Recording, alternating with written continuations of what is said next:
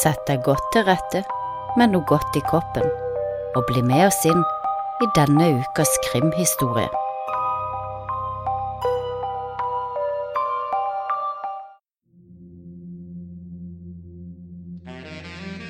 Hei og velkommen til del tre av Playboy Mansions historier. I denne episoden skal vi høre om to drap-selvdrap som ble begått på to unge Playboy-modeller.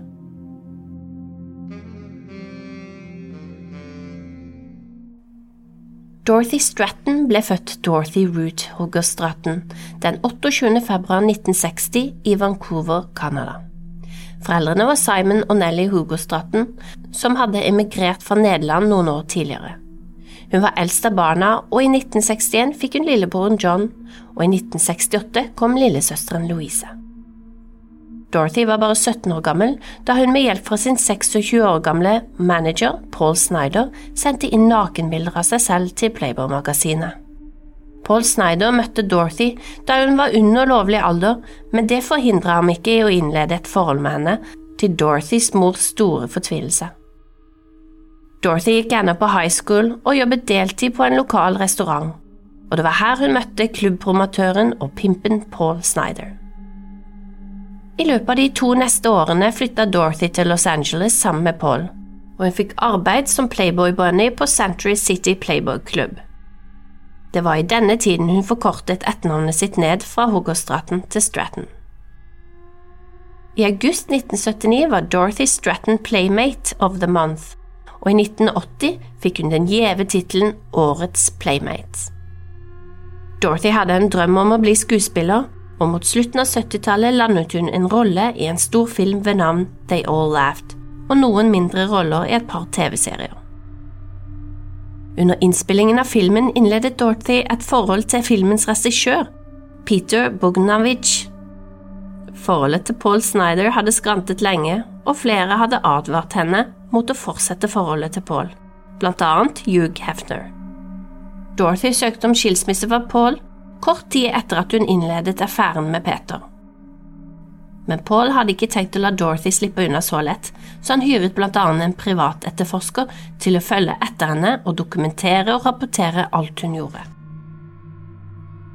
14. august 1980 hadde Dorothy og Paul Snyder avtalt å møtes hjemme hos Paul for å diskutere skilsmissen. Lite ante Dorothy om hvor eiesyk Paul var, og hvilke planer han hadde for henne. Paul hadde nemlig bestemt seg for at hvis ikke han kunne få Dorothy, så skulle heller ingen andre få henne. Og mens de satt i sofaen for å diskutere skilsmissen, dro Paul frem en pistol og skjøt Dorothy midt i ansiktet. Deretter bandt han den livløse kroppen hennes til en sexhuske og hadde sex med den døde kroppen hennes i minst en halvtime. Da han var ferdig, tok han den samme pistolen han drepte Dorothy med, og skjøt seg selv. Det var Pauls romkamerat som fant dem, begge lå nakne på gulvet med kroppene invadert av maur. Dorothy Stratton ble bare 20 år gammel. Liket hennes ble kremert, og asken er bevart ved Westwood Village Memorial Park Cemetery i Los Angeles.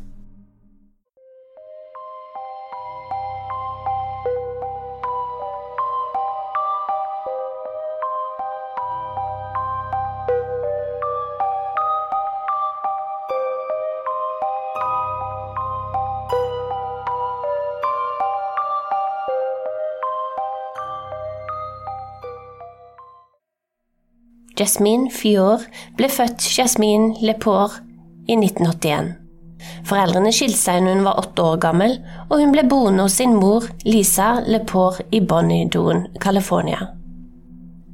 Som tenåring og ungdom elsket Jasmine å spille fotball, og hun arbeidet i en grønnsakshandel. Da hun ble eldre, begynte hun å jobbe som modell for svømmetøy, og hun arbeidet også som kroppsmalermodell, hvor hun opptredde på forskjellige events på Las Vegas kasinoer. Etter hvert ble hun også Playboy-modell. I 2009 møtte Jasmine Ryan Jenkins, som nettopp hadde deltatt i TV-programmet Megan Wants a Millionaire. De møtte hverandre på et Las Vegas-kasino, og bare to dager senere, 18. mars 2009, giftet de seg i The Little White Wedding Chapel på Las Vegas Strip. Bare tre måneder senere ble Ryan siktet for vold mot Jasmine, Han skal ha slått henne på armen så hun ramlet uti bassenget etter en krangel om at Jasmine hadde kysset eksen sin, Travis Henrich. Jasmine og Travis hadde vært forlovet fra 2006 til 2007, men selv om de brøt forlovelsen, hadde de fortsatt å date hverandre innimellom. På tross av hendelsen og stadig krangling ble Ryan og Jasmine et par igjen, og kort tid etter reiste de til San Diego for å delta i en pokerturnering.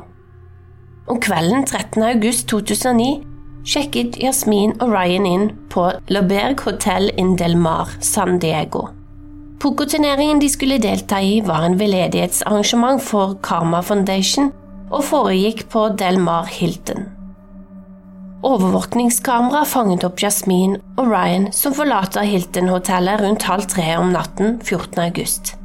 Senere blir paret observert på nattklubben Ivy Hotel, og rundt halv fem om morgenen returnerte Ryan Jenkins til LaBerg hotell alene. Jasmin ble aldri sett igjen på hotellet. Klokka ni samme morgen forlater Ryan Jenkins hotellet uten Jasmin. Dagen etter, 15. august klokka syv om morgenen, blir en død kropp funnet, kraftig knust og forslått inni en koffert i en søppelcontainer i en bakgate i Buena Park i California. Liket av kvinnen ble ikke identifisert, Tennene hennes var fjerna, og det var også alle fingrene, før den nakne kroppen hadde blitt dytta inn i kofferten. Undersøkelser viste at kvinnen var kvelt til døde, og politiet antok at fjerning av tenner og fingre var et forsøk på å gjøre det vanskelig å identifisere henne. Det skulle gå enda tre dager før politiet klarte å finne ut hvem hun var. Klokka ni om kvelden 15. august melder Ryan Jenkins Jasmin savna til politiet. Han forteller dem at han sist så henne rundt halv ni om kvelden den 14. august i deres hjem på Edinburgh Avenue i Los Angeles. Han fortalte at de hadde vært i San Diego og spilt poker, og etter de kom hjem, slapp han Jasmine av og dro av gårde igjen for å gjøre noen ærend, og at hun aldri kom tilbake. 16. august, dagen etter at han meldte Jasmine savna, ble Ryan observert da han forlot huset deres. Han dro fra Los Angeles til Nevada hvor han hentet speedbåten sin. 17. august, da Ryan blir kontaktet av politiet, forteller han at han var i Utah på vei mot Canada for å ordne opp i noe med immigrasjonsmyndighetene. 18. august ble liket politiet fant i kofferten den 15. august identifisert til å være Jasmine Fior. Identifikasjonen ble gjort via serienummeret på brystimplantatene hennes. 20. august blir Ryan Jenkins sikta for drapet på Jasmine, og en arrestordre blir utstedt. Og samme dag sjekker han inn på et motell. Ryan hadde parkert bilen utenfor, og en ung, vakker kvinne hadde gått inn og bestilt og betalt for tre netter kontant. Kvinnen hadde forlatt Ryan 20 minutter etter innsjekk, og det viste seg senere at denne kvinnen var Ryans halvsøster, Alena Jenkins. 21. august ser motellsjefen Ryan Jenkins gående utenfor motellet. Han så sliten ut, og det var vanskelig å kjenne han igjen fra bildene på TV. 23. august hadde ikke Ryan eller kvinnen som sjekket inn, sjekket ut av motellet, og eieren hadde også lagt merke til at det hadde vært lite aktivitet de to siste dagene. Så eieren og sønnen bestemte seg for å sjekke rommet, og der fant de Ryan Jenkins hengende. Han hadde tatt sitt eget liv. Han hadde ikke etterlatt seg noe selvmordsbrev, men på laptopen hans fant jeg et dokument datert 20. august 2009 ved navn Siste ønske og testament. Til søndag kommer Krimpratdelen, der vi snakker om hva flere Playboy-modeller har avslørt om livet i Hugh Hefners mansion. Vi skal se på hva som foregikk bak kulissene, og hvem som var de rike vennene som besøkte lekeplassen for voksne menn. Så er det bare å nyte påska, og i mellomtiden kose seg med litt krimp på øret. Vi høres.